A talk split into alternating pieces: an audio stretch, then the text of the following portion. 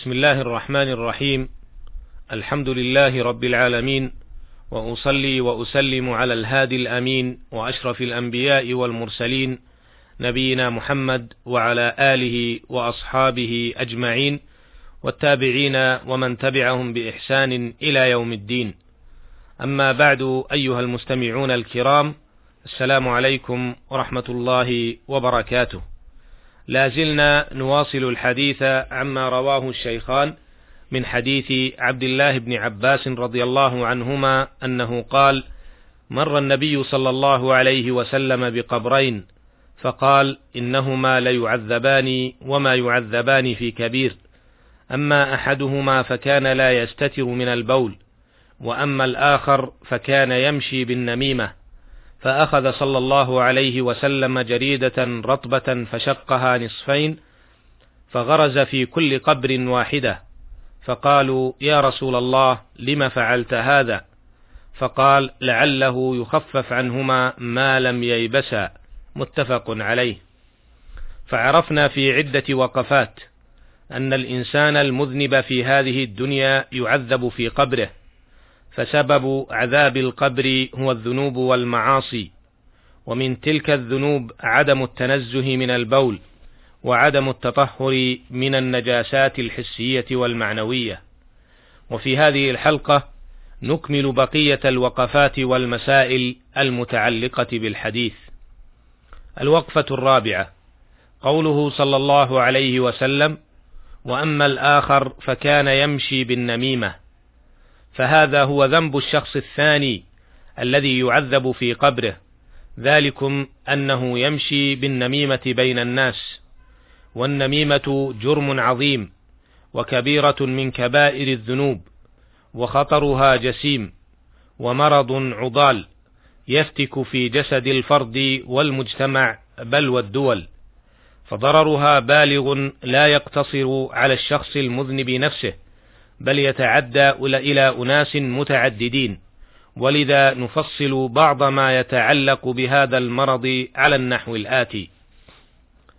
فالنميمة نقل كلام الناس بعضهم إلى بعض على جهة الإفساد بينهم فالغرض منها إفساد وتخريب سواء كان ذلك بالقول أو بالفعل وسواء كان بين شخصين منفردين كالزوج وزوجته والصديق وصديقه والقريب وقريبه وغير ذلك أو بين هيئتين أو مجتمعين أو دولتين فكل ما أفسد هذه العلاقة يدخل في النميمة. ولا شك أن حكمها حرام بإجماع المسلمين فهي كبيرة من كبائر الذنوب. دل على ذلك كتاب الله جل وعلا وسنة رسوله صلى الله عليه وسلم كما دل على تحريمها قواعد الشريعة العامة.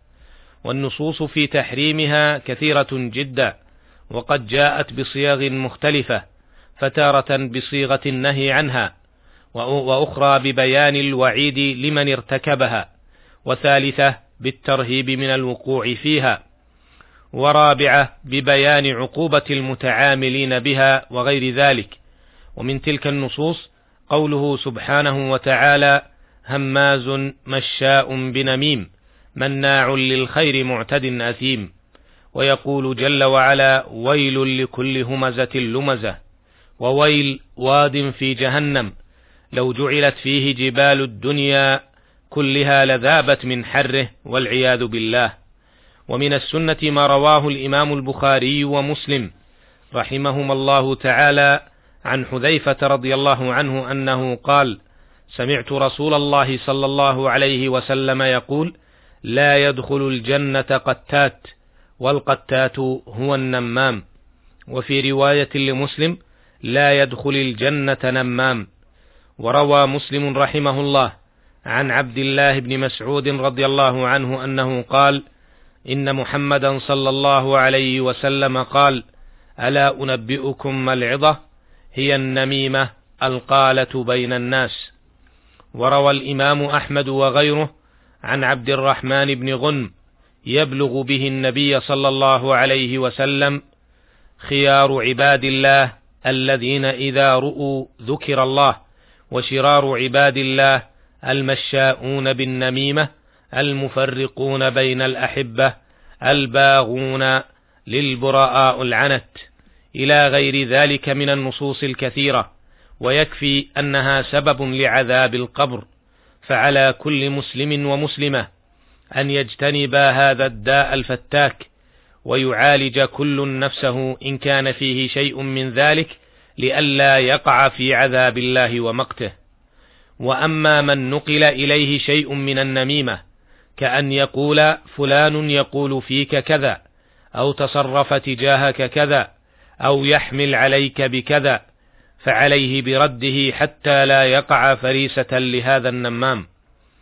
يقول الإمام النووي رحمه الله تعالى وكل من حملت إليه نميمة وقيل له فلان يقول فيك أو يفعل فيك كذا فعليه بستة أمور. الأول ألا يصدق لأن النمام فاسق. الثاني أن ينهاه عن ذلك وينصحه ويقبح له فعله. الثالث أن يبغضه في الله تعالى فإنه بغيض عند الله جل وعلا ويجب بغض من أبغضه الله تعالى. الرابع ألا يظن بأخيه الغائب السوء. الخامس ألا يحمله ما حكي له على التجسس والبحث عن ذلك. السادس ألا يرضى لنفسه ما نهى, ما نهى النمام عنه فلا يحكي نميمته عنه فيقول فلان حكى كذا فيصير به نماما ويكون آتيا ما نهى عنه. أيها المستمع الكريم إن من ابتلي بشيء من ذلك فعليه أن يعالج ذلك سريعا وذلك بأن يعلم بأنه متعرض لعقاب الله وغضبه ومقته ثم ليعلم أن من تكلم في حقه فإنه يأخذ من حسناته حتى لا يبقى له حسنات ثم لينظر في السبب الذي جعله يرتكب هذا الفعل فإن قطع السبب معين على العلاج فإذا كان السبب حسدا أو حقدا فليتب إلى الله تعالى منه. وإن كان سوء تفاهم فليبادر بالعفو والصفح ولا يحمله ذلك على الكلام في حقه والقدح فيه فالله الله بتجنب هذا المرض الخطير وحافظوا على نزاهة قلوبكم وألسنتكم تفلحوا في الدنيا والآخرة. الوقفة الخامسة قول الراوي فأخذ صلى الله عليه وسلم جريدة رطبة فشقها نصفين فغرز في كل قبر واحدة فقالوا يا رسول الله لم فعلت هذا؟ قال لعله يخفف عنهما ما لم ييبسا. هذا تصرف من الرسول صلى الله عليه وسلم يدل على رحمة هذا النبي العظيم بأمته صلى الله عليه وسلم. لعل الله تعالى أن يخفف العذاب عن صاحبي القبرين. فأخذ رسول الله صلى الله عليه وسلم جريدة والمقصود بالجريدة هنا سعفة النخل. وقد يسأل سائل هل هذا العمل مشروع في مثل هذه الحالات؟ والجواب عن ذلك أن ما ذهب إليه جمهور أهل العلم أنه لا يشرع لأن هذا العمل شرع وعبادة وهو يحتاج إلى دليل وليس في الشرع ما يثبته. أما هذه القصة فقضية عين حكمتها مجهولة ولذا لم يفعله النبي صلى الله عليه وسلم مع غير صاحبي هذين القبرين ولم يفعله من الصحابة أحد بعده. أسأل الله تعالى أن يجن أن يعيذنا من عذاب القبر وفتنته إنه سميع مجيب. وهو المستعان. وإلى اللقاء في الحلقة القادمة إن شاء الله. والسلام عليكم ورحمة الله وبركاته.